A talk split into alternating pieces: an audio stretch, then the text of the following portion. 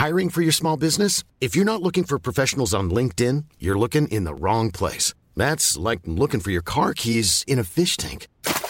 LinkedIn helps you hire professionals you can't find anywhere else, even those who aren't actively searching for a new job but might be open to the perfect role. In a given month, over 70% of LinkedIn users don't even visit other leading job sites. So start looking in the right place. With LinkedIn, you can hire professionals like a professional. Post your free job on linkedin.com slash people today. Even when we're on a budget, we still deserve nice things. Quince is a place to scoop up stunning high-end goods for 50 to 80% less than similar brands. They have buttery soft cashmere sweaters starting at $50, luxurious Italian leather bags, and so much more. Plus, Quince only works with factories that use safe, ethical, and responsible manufacturing. Get the high-end goods you'll love without the high price tag with Quince. Go to quince.com/style for free shipping and 365-day returns. Burrow is a furniture company known for timeless design and thoughtful construction and free shipping, and that extends to their outdoor collection. Their outdoor furniture is built to withstand the elements, featuring rust-proof stainless steel hardware, weather-ready teak, and quick-dry foam cushions. For Memorial Day, get 15% off your Burrow purchase at burrow.com slash ACAST and up to 25% off outdoor. That's up to 25% off outdoor furniture at burrow.com slash ACAST. Helt siden de første menneskene slo seg ned i Trøndelag, har det blitt observert underlige lys over Hessdalen. Fenomenet har blitt forsøkt bortforklart som syner sett av bygdetullinger og deliriske hallusinasjoner forårsaket av den lokale drikkekulturen. Men det skulle vise seg at fenomenet stakk langt dypere, når Hessdalen-fenomenet fikk verdensomspennende oppmerksomhet i ufo-miljøet på 1980-tallet. Fenomenet er fremdeles der, og det er fremdeles like uforklarlig som den gang. I 2024 kommer en podkastserie i seks deler, produsert av Project Hessdalen, som kanskje en gang for alle skal finne svar på hva som rører seg på himmelen i denne bortgjemte dalen i Trøndelag. Serien har som seg hør og bør fått tittelen A Blaze in the Northern Sky, og den kommer til din favorittpodkastavspiller i 2024.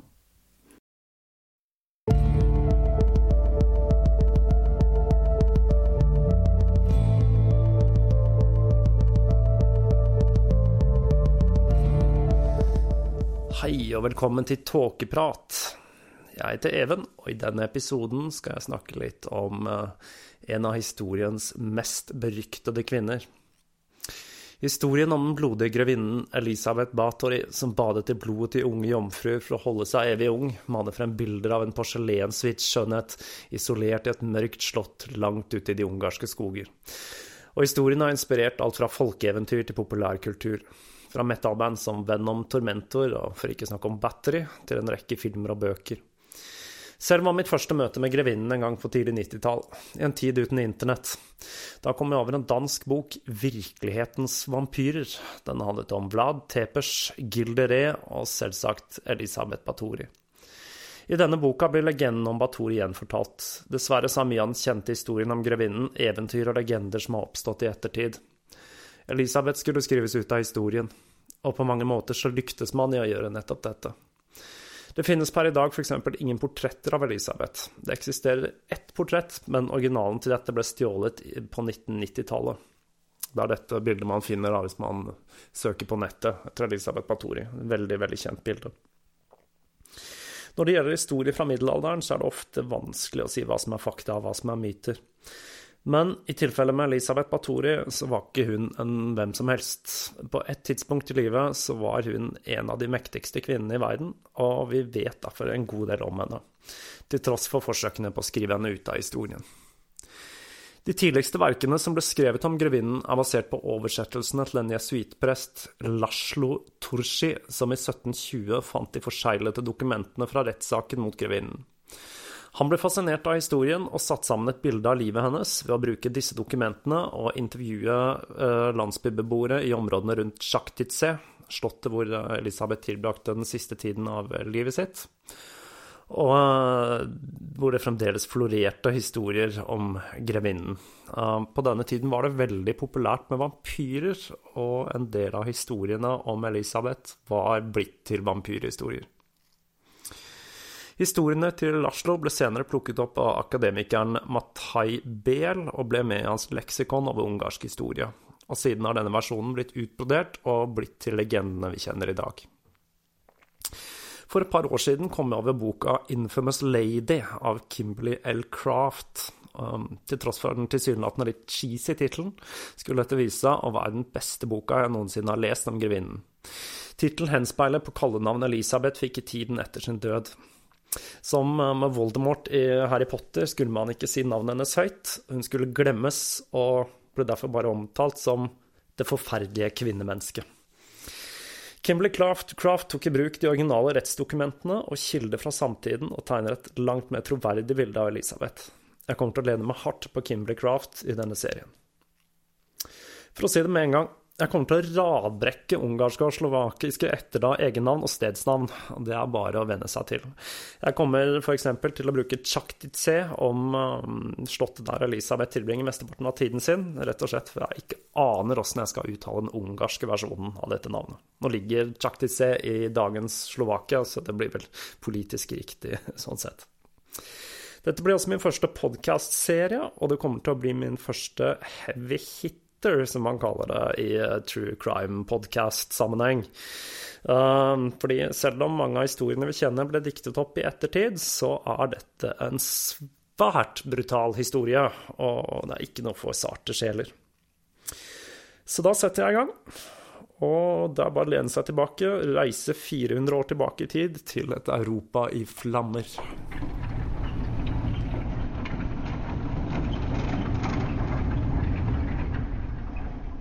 I senmiddelalderen og renessansen var Batori-slekten svært innflytelsesrike. Slekten inkluderte flere prinser, en kardinal og en polsk konge, og de hadde flere høye stillinger i Ungarn og tilhørende områder. Slekten skrøt av en historie som strakk seg tilbake til år 900. Eschet-grenen av Batori-familien vokste seg sterke da Istavan 3. ble utnevnt til Palentine, tilsvarende statsminister, i Ungarn i 1444 og sønnene hans ble utnevnt til flere betydningsfulle stillinger i det ungarske samfunnet. Men viktigst for denne historien er kanskje Istaman 5., som ble voivod av Transilvania, den første i en lang slektslinje som skulle ha denne tittelen. I det 16. århundret var Ungarn delt i to grupper som kjempet om tronen. Virkelighetens Game of Thrones her, altså. Eschedgrenen av Batori-familien, som støttet Habsburg-familien, og som ønsket ertehertugen Ferdinand av Østerrike som konge av Ungarn og på den andre siden hadde du Samlio-delen av slekten, som støttet Janus Chapolai, som hadde blitt utpekt som konge av den ungarske adelen. De to grenene av Batori-familien ble til slutt forent av Georgi og Anna, Elisabeths foreldre, da Georgi skiftet allianse fra Habsburg til Chapolai. Legendene sier at Georgi gjorde dette av kjærlighet til sin transilvanske kusine. Kusine, det er mye innavl i den historien. Men det hele var nok mest politisk motivert, ja. Dette førte selvsagt til en konflikt med Habsburg-familien, en konflikt som skulle vedvare generasjoner. Georgie og Anna bosatte seg i Batori-familiens eiendom i Eshed i Nurjabator i Ungarn. Det ligger i dag i Øst-Ungarn. Her fødte de en datter som hadde blodet fra begge sidene i familietreet, Elisabeth Batori. Elisabeth ble født 7. august 1560. Med de to Batore-klanene forent ble lille Elisabeth født inn i en av Europas mektigste familier. Begge onklene hennes var voivod av Transilvania som bestefaren. Onkelen Istavan var konge over Polen, og i 1595 ble prins Sigmund, Elisabeths fetter, gift med den habsburgerske hertuginnen Maria Christina, noe som ville lette forholdet mellom familiene. Den unge grevinnen tilbrakte barndommen sin i Eshed. Hun hadde to brødre og to søstre, og til tross for familiens politiske konflikter lå eiendommen langt fra den blodige konflikten med det ottomanske riket. Og hun hadde en forholdsvis fredelig barndom. Europa var en slagmark mellom muslimer mot protestanter og katolikker, og katolikker mot protestanter, osv. Det var en evig religionskrig. Protestantismen var veldig populær i Transylvania og blant folk flest, og Elisabeths foreldre valgte denne retningen framfor katolisismen, som var populær blant de geistlige. Elisabeth ble oppdratt som kalvinist av sin mor. Det er en form for reformert protestantisme, um, så rett og slett en reformert, reformert form for kristendom. Vi kan regne med at Elisabeth var svært bevandret i katolsk, protestantisk og kalvinistisk lære. Elisabeth vokste opp i en verden som var i rask endring, og renessansen pågikk for fullt. Grensene for vitenskap og kunst ble stadig utvidet, og det var en verden av oppdagelser, teleskoper, skytevåpen, og med store navn som Galileo, da Vinci og Michelangelo. Og vi kan regne med at Elisabeth, som en del av den øverste sjiktet av adelen, fikk oppleve alt dette som liten. Det er mange som hevder at Elisabeth fikk formet personligheten sin av ekstreme hendelser i barndommen, og det er mange historier som beskriver tortur, seksualsadisme og galskap. Men de fleste av disse historiene er nok bare legender.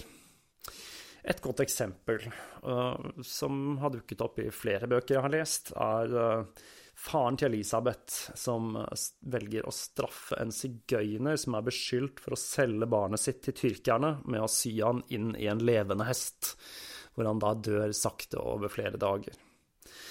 Uh, Kimberley Craft gjorde et godt poeng ut av denne historien med å si at på den ene siden så det, var det vanlig med straff med mørk humor, som dette var på, på den tiden. Men på den andre siden så var sigøynere undermennesker, og hester var verdifulle. Så det virker usannsynlig at de ville sløse bort en hest på dette, da. Men man kan jo lure. En annen historie som beskriver litt hvordan man så på offentlig straff på denne tiden, var Giorgio Dosa. Han ledet et um, bondeopprør mot en lov som gjorde at de adelige eide bøndene, altså som de var i en eiendom. Det ble slått steinhardt ned på i 1514, og Giorgio Dosa han ble stekt levende på en jerntrone, hvor han fikk på seg en jernkrone. Alle de som fulgte ham, ble enten spurt spiddet, eller de som ikke ble spiddet. Og når vi snakker om spiddet, så var det å bli satt på en stake, tredd opp i anus, hvor det døde over mange timer. Det var en seig, lang prosess som bl.a. Vlad Tepers var veldig kjent for. De som ikke ble spiddet, de ble satt til å spise denne Giorgio Dossa. De ble tvunget til å spise han. Etter dette så ble de radbrukket. Uh, det vil si, de ble lagt på et hjul og fikk brekt alle beina i kroppen sin. Uh, og etter dette så ble de hengt. Så dette var ganske grundige greier. Uh, det var en brutal tid Elisabeth vokste opp i. En annen ting som er veldig interessant når det gjelder barndommen til Elisabeth, er at hun led av noe som mest sannsynlig var epileptiske anfall. Eh, dette er noe vi ser igjen og igjen når det gjelder seriemordere. Hun var også kjent for å ha raserianfall da hun var liten. Når hun ikke fikk vilja si, så ble hun rasende sinna. Uansett, det vi vet helt sikkert, er at Elisabeth fikk en ekstremt god utdannelse. Hun ble opplært i klassisk litteratur og matematikk. Hun kunne skrive og lese ungarsk, gresk, latin og tysk, og til og med slovakisk, eh, noe som var tjenernes språk i oppveksten hennes. Hun var interessert i religion, okkultisme, astronomi, botani, biologi og anatomi. Og hun hadde god tilgang på, på litteratur, både fra via kjøpmenn og aristokrater. Det var ikke så vanlig at aristokratiet kunne lese og skrive på denne tiden, for det hadde man tjenere til, og Elisabeth var jo attpåtil en jente. Og det å skrive på denne tiden, det var heller ikke bare bare. Man brukte da pergament, hvor man måtte risse inn, nesten litt som tatovering, da, med blekk. Så det var en fysisk krevende oppgave, dette her, å skrive. Hun ble beskrevet som svært begavet, og hun var like opptatt av fekting og ridning som filosofisk debatt. På denne tiden var det vanlig at adelsjenter ble forlovet i barndommen for å tilbringe tenårene i husholdningen til sine framtidige svigerforeldre, slik at de kunne lære husholdningen og hvordan den skulle drives, drives og husets sosiale etikette. I 1571, da Elisabeth var 11 år, ble hun forlovet med den da 16-årige grev Ferenc Nadasti um, i en avtale mellom de to familiene. Hun forlot Eshed og dro til Sarvar, hovedsetet til Nadasti-familien. Der ble, ble mottatt av sin kommende svigermor, eh, grevinne Uljai Kinishai Nadasti. Elisabeths foreldre ville aldri se datteren bli gift.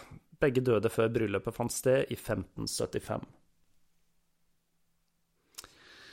Nadasti-familien var ikke like betydningsfull som Batori-familien, men de var allikevel svært betydningsfulle og rike, og svigermoren Olja Kinesai var den siste arvingen til den betydelige formue, Kinesai-formuen. Nadasti-familien hadde sitt hovedsete i byen Sarvar, i fylket Vas i Ungarn, som lå rett sørøst fra Wien. Tamas startet sin militære karriere da han var 23. Han kjempet først på siden til Habsburg, han skiftet senere allianse til Janos Chapolai og sloss sammen med Chapolai og tyrkerne mot Habsburg. Han ville senere spille en nøkkelrolle i å framforhandle en våpenhvile mellom Habsburg og Chapolai for å sikre fred i Ungarn. Det var i denne perioden han begynte å se seg om etter en kone. Og Kineshai-familien, altså familien til Oleya, de var lojale mot eh, Ferdinand og Habsburg-familien, og da skiftet Tamas lojalitet igjen. Han var det man kaller for en flip-flopper. Han havnet da i krig med Chapolai, men heldigvis for Tamas så ender alt sammen i en våpenhvile, og Chapolai ble konge over Sentral-Ungarn.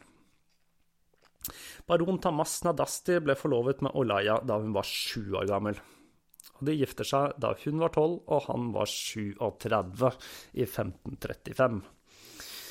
Ja, ja. Konflikten med tyrkerne blusser senere opp igjen, og Tamas blir en av Ferdinands mest betrodde rådgivere og er sentral i forsvaret mot tyrkiske ottomanere. Han blir også senere utnevnt til Palentine i Ungarn.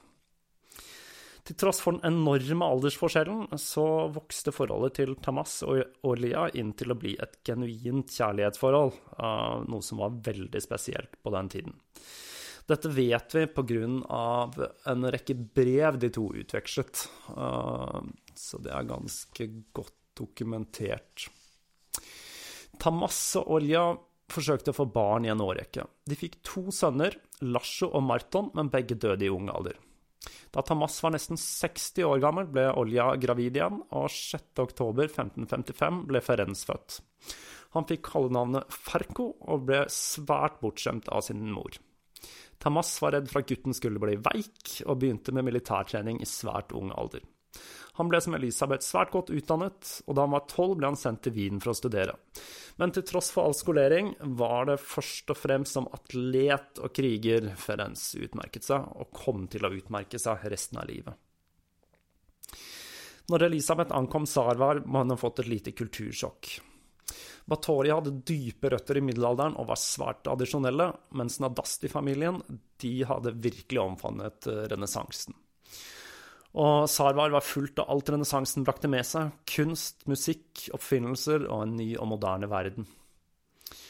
En historie forteller oss at Elisabeth lærte mye av sin brutalitet fra Olja, og historien forteller at de hadde et svært anspent forhold. Men dette er igjen ikke spesielt sannsynlig, da Olja døde i 1571, og kanskje til og med var død før Elisabeth kom til Sarvar. Vi vet ikke så mye om hvordan Elisabeth opplevde denne tiden i Sarvar, men det er lett å tenke seg at denne ekstremt bestemte unge damen um, med sitt lunefulle temperament kunne nok være en håndfull. Uh, det er en annen svært kjent historie som foregikk på den tiden. Elisabeth skulle nemlig ha hatt en affære med en mann som het Ladislav Benda, og dette er en person som faktisk er dokumentert og har eksistert. Og det gjør denne historien litt mer spennende. Ifølge legenden ble nemlig Elisabeth gravid med denne mannen. Og selv om hun forsøker å abortere, så føder hun en jente som senere blir sendt til Valakia i Transilvania. Og legenden forteller oss at Ferenc blir rasende, kapper kjønnsorganet av Lasislav og mater hundene sine med det. Når man leser om Elisabeth Batori, så dukker som regel en historie om bryllupet hennes opp, fordi eh, det var ikke en liten affære. 8. mai 1575, da Elisabeth var 14 og Ferenc var 19, i slottet Varano i Vranov, nå i Slovakia. Bryllupet hadde 4500 inviterte gjester og pågikk i flere dager. Og Blant de inviterte gjestene var bl.a. den romerske keiseren Maximilian 2., som var forhindret for å komme, men han sendte da en skriftlig beklagelse og en klekkelig bryllupsgave.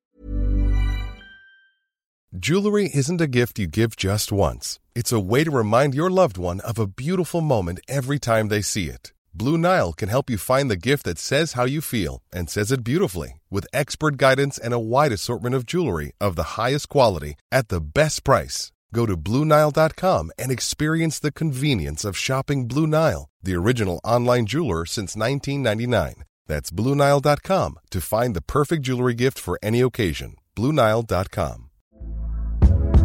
Hey there, it's Michelle Norris. I'm host of a podcast called Your Mama's Kitchen. When I travel, I'm usually looking for a way to find a taste of home when I'm not at home. And one of the things I love to do when I am at home is entertain. And Airbnb allows me to do that. When I was in California recently, I rented a house that had a great kitchen. And when we were sitting around the table, we're all thinking, we're in someone else's house. Someone could be in all of our homes as well. If you have a home, but you're not always at home, you have an Airbnb. Your home might be worth more than you think. Find out how much at airbnb.com/slash host.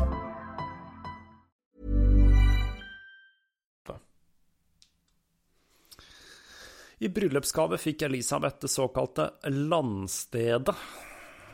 Er Sjaktytse. Det er da i realiteten en borg som står der den dag i dag, med tilhørende 17 landsbyer og innbyggerne i landsbyen. Man kan jo lure litt på hva en 14 årig jente syns om å få det til bryllupet sitt, men ok.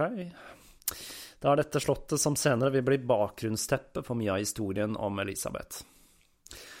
For å få litt perspektiv på størrelsen på dette bryllupet, så har jeg funnet fram hva som sto på menyen i bryllupet til Giorgio Tursos datter Shushanna, som giftet seg i 1603.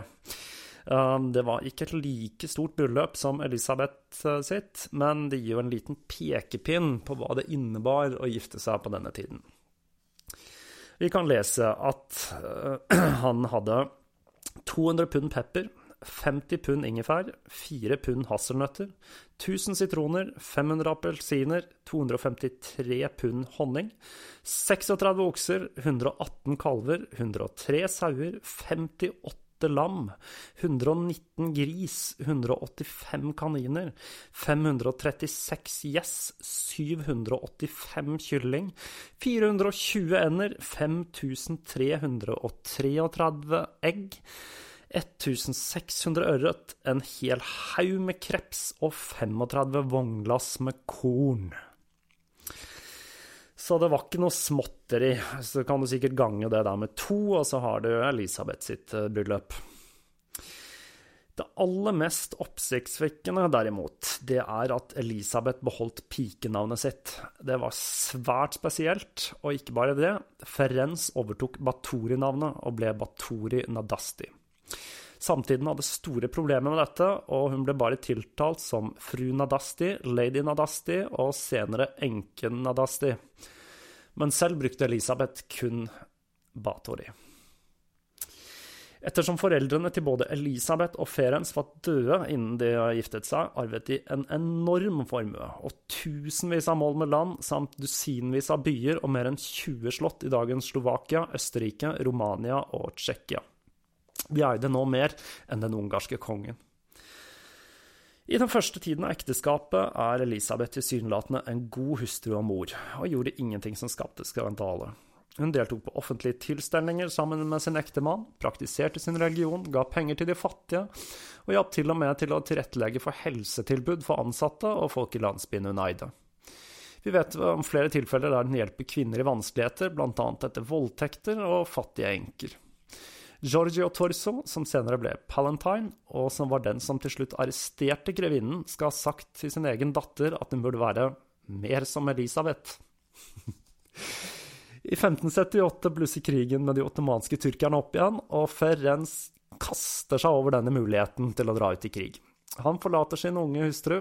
Han uh, er veldig kjent som krigsherre, og ble senere omtalt som Ungarns svarte ridder, og er frem til i dag en av de mest kjente krigsheltene i Ungarn. Elisabeth ble etterlatt alene på den store familieeiendommen i Sarvar. Det er blitt hintet om at Elisabeth i denne perioden reiser til sin tante Klara, hvor hun skal ha lært heksekunst og lesbisk sex. Denne historien er heller tvilsom, da tante Clara var ca. 60 i denne perioden. Et annet poeng er at heksekunst og kloke koner og den type ting var akseptert uh, akkurat på denne tiden i Ungarn, og ble sett på som et godt alternativ til tradisjonell medisin, som var uh, mildt sagt shady. Jeg tenker på tannhelsen, og tannlegene på denne tiden er uh, bare det alene er en god grunn til å være glad for å, å leve i 2016. Uh, for eksempel så var vel barbereren, eller frisøren, var jo ofte kirurg i tillegg. Så å tenke på TV-serien Snøballkrigen på NRK, hvor det er da en oppi her i byen var, Jeg husker ikke hvilken uh, liten nordnorsk by det var, da, men han var i hvert fall rørlegger og begravelseagent samtidig. Så det blir jo litt av samme greia. Det er også blitt antydet at Elisabeth brukte denne tiden på orgier med sine mannlige tjenere, men det er ingenting som tyder på at dette, dette stemmer. Um, det har aldri blitt sagt noe av tjenerne i rettssaken etterpå om, om dette her, og det er veldig sannsynlig at vi ville hørt noe om det foregikk orgier i, uh, i Slottet på denne tiden. Da Elisabeth var i midten av 20-årene, var Ferenc stort sett ute i krig og grevinnens status som administrator over eiendommene steg for hvert år som gikk. Hun var rett og slett flink til dette her. Hun brukte det meste av tiden i Sarvar og Keretsur, eh, som var de mest sentrale slottene i Nadasti-familiens uh, samling av slott. uh, men hun brukte passet på å besøke samtlige eiendommer i løpet av et år, og hun brukte også en del tid i familieboligen i Wien. Livet til grevinnen var typisk for adelskvinner på denne tiden. Etter å ha stått opp ville hun begynne med prosessen med å kle og sminke seg. Til det hadde hun hjelp av tjenestekvinner, og dette var en prosess som kunne ta fra to til seks timer, litt avhengig av hva hun skulle den dagen. På en typisk dag drev hun med ettersyn av eiendommene, konsulterte offentlige tjenestemenn, dikterte brev, leste offentlige dokumenter, betalte regninger og tok imot gjester. Hun brukte også en god del tid i kirken og i gudstjenester. Vi vet at grevinnen var veldig glad i spa, og hun var en hyppig gjest på spaet i Pierstani. Hun var også veldig glad i shopping, og var ofte på konserter i Wien. I feriens fravær var det Elisabeth som satt med hele ansvaret for de mange eiendommene. Hun var eh, også ansvarlig for å megle disputter blant tjenere og landsbybeboere, og var ansvarlig for forsvar av eiendommene mot tyrkerne, samt diplomati. Etter ti års ekteskap er det ingenting som tilsier at dette skulle bli en av historiens verste seriemordere. Tvert imot så fremstår Elisabeth som en svært oppegående og intelligent adelskvinne som hadde stålkontroll på eiendommene og det jeg vil kalle familiebedriften. Det er jo alle disse slottene og alle disse oppgavene, la oss kalle det en bedrift, for det er jo egentlig det det er. De gangene Ferenc var innom, ble det stelt i stand store fester. Han hadde med seg enorme rikdommer som han hadde plyndret til seg i krigene. Eh, og rommene i de forskjellige slottene ble fylt opp med rikdom. Eh, det var som han fylte opp det ene rommet med gull, så gikk han over til det andre. Når det ene slottet var fullt, så begynte han på et nytt et. Krigen han kjempet i, var det som senere ble kalt 15-årskrigen, eller Den lange krigen. Og Ferenc deltok i så å si hvert eneste slag i hele denne krigen. Paret fikk ingen barn før etter ti års ekteskap, og det er flere teorier om hvorfor det var slik. Den åpenbare teorien er at det var fysisk umulig, da Ferens var i krig stort sett hele tiden. Andre spekulerer i at Ferens var forbanna på Elisabeth etter affæren i Sarbar, hvor hun da skulle ha blitt gravid. En annen teori er at de begge foretrakk sex med partnere av samme kjønn. Men om det var noen fiendtlighet mellom de to, så skjulte de det godt. Det finnes nemlig ingen vitneutsagn eller noe dokumentasjon på dette. Ekteskapene på denne tiden var stort sett politiske, og det var veldig vanlig at mann og kone bodde hver for seg og hadde kobbel med elskere og elskerinner. Det kan tenkes at Elisabeth hadde problemer med å bli gravid. Det var veldig vanlig blant den ungarske adelen på denne tiden, eh, pga. kjønnssykdommer, innavl og gudene vet hva. Til slutt fikk uansett paret barn.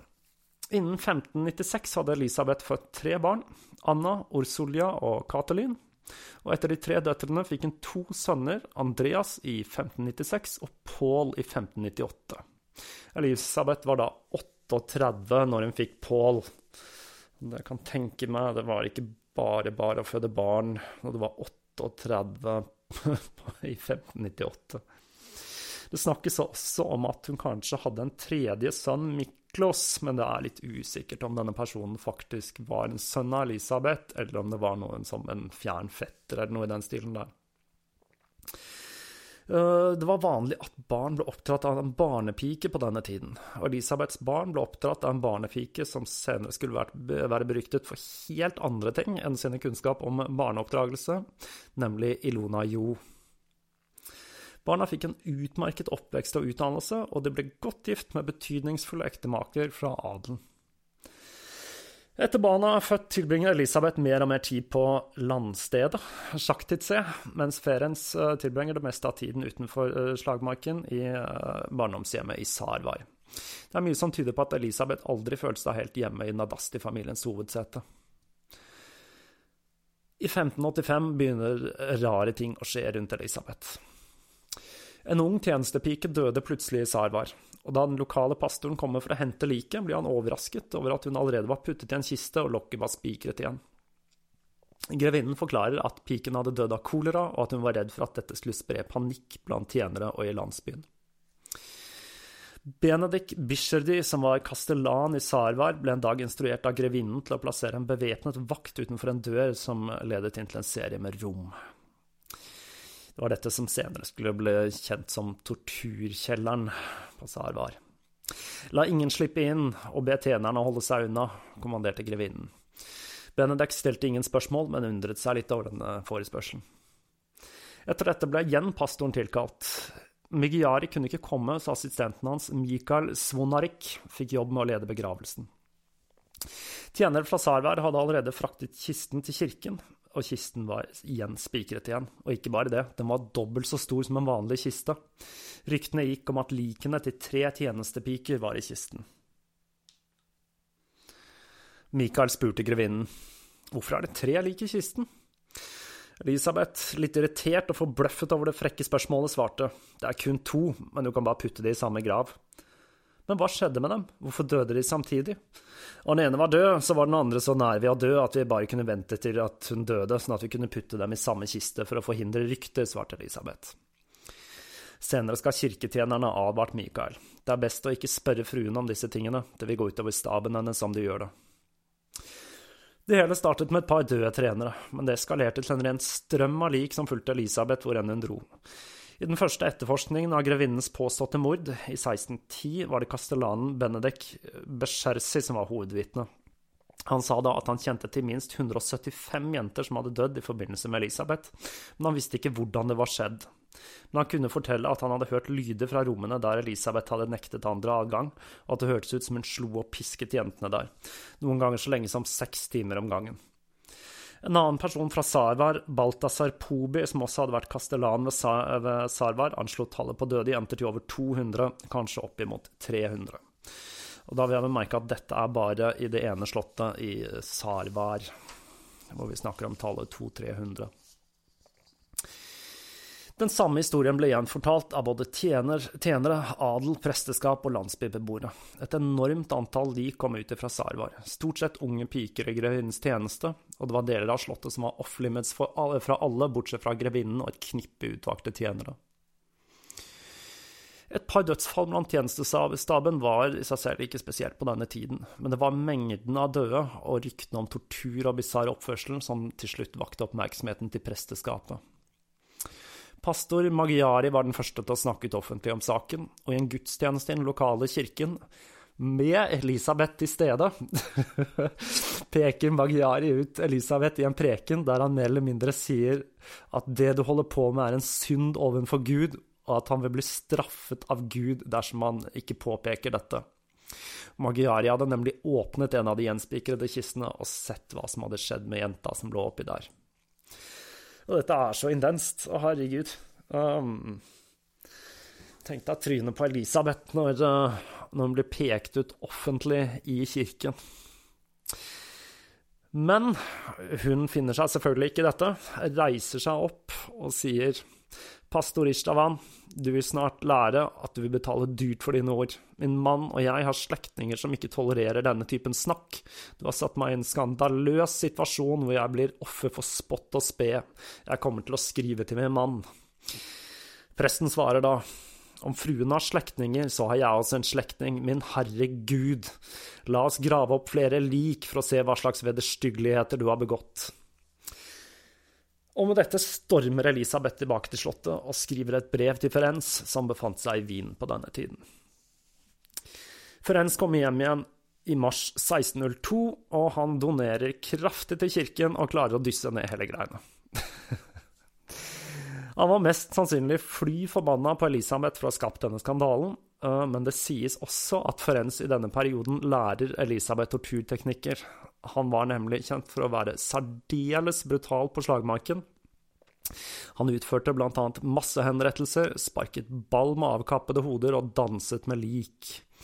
En historie forteller meg at han hadde med seg noe som lignet på hva skal vi si, hånda til Freddy Kruger, typen et påsatt jernhånd med kniver som kunne brukes til, til tortur, og at han lærte opp Elisabeth da, i å bruke denne her. Det florerer generelt masse historier rundt uh, torturinstrumentene til Elisabeth, uh, men de fleste er nok bare myter, tenker jeg. Og jeg skjønner heller ikke helt hvorfor Elisabeth skulle behøve å lære tortur. Um, det er klart, tortur var et fag, uh, spesielt for bødler på denne tiden, hvor bøddelen skulle kunne utføre straffen uten å ta livet av personen som skulle straffes. F.eks. måtte de kunne kappe av en hånd uten at personen blødde i hjel, osv.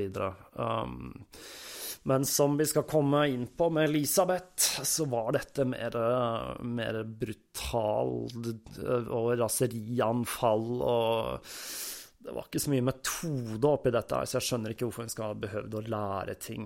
En annen person som ble sagt at hun lærte opp Elisabeth da, i torturteknikker, det var Anna Davriolja som var en av Elisabeths nære tjenere og en av de som hadde adgang til torturkammeret. Favorittformen hennes for tortur var stokkeslag, og hun brukte da inntil 500 stokkeslag per jente. Um, igjen, trenger du opplæring for å lære å slå i hjel folk med stokk? Jeg skjønner ikke helt vitsen med det. Uansett. Etter denne episoden, og når Ferenc kommer tilbake, virker det som drapene avtar lite grann. Uh, Elisabeth har da mest sannsynlig fått beskjed om å holde en lav profil for å ikke ødelegge ryktet til familien. Den 4. januar, derimot, 1604, dør Ferenc Nadasti i Sarvar. Han dør etter en lengre periode med en sykdom vi ikke kan være helt sikre på hva var. Eh, var han hadde hatt sterke smerter i beina, hadde hatt problemer med å gå i flere år. Det er ganske trolig at en mann som tilbrakte hele livet sitt på slagmarken, blant død og fordervelse, døde på sykesengen. Det, det er veldig spesielt. Og med Ferenc død, så er Elisabeth en av verdens mest velstående kvinner. Og det er nå det virkelig begynner å rakne for Elisabeth Bathori. Og her forlater vi Elisabeth for denne gang. I neste episode så vil jeg fokusere litt mer på den tsunamien av vold og tortur som Elisabeth var kjent for. Og som vi ser i den første delen av Elisabeths liv, det var forholdsvis fritt for kontrovers og intriger, og jeg vil faktisk strekke meg så langt som å si at man kan beundre henne litt. Um, med tanke på hvordan hun styrte familiebedriften når Ferenc var ute i krigen. Hun var steintøff og hadde bein i nesa, men um, så var det disse likene som begynte å dukke opp etter hvert, da. Så fram til neste episode så er det bare å si ha det bra.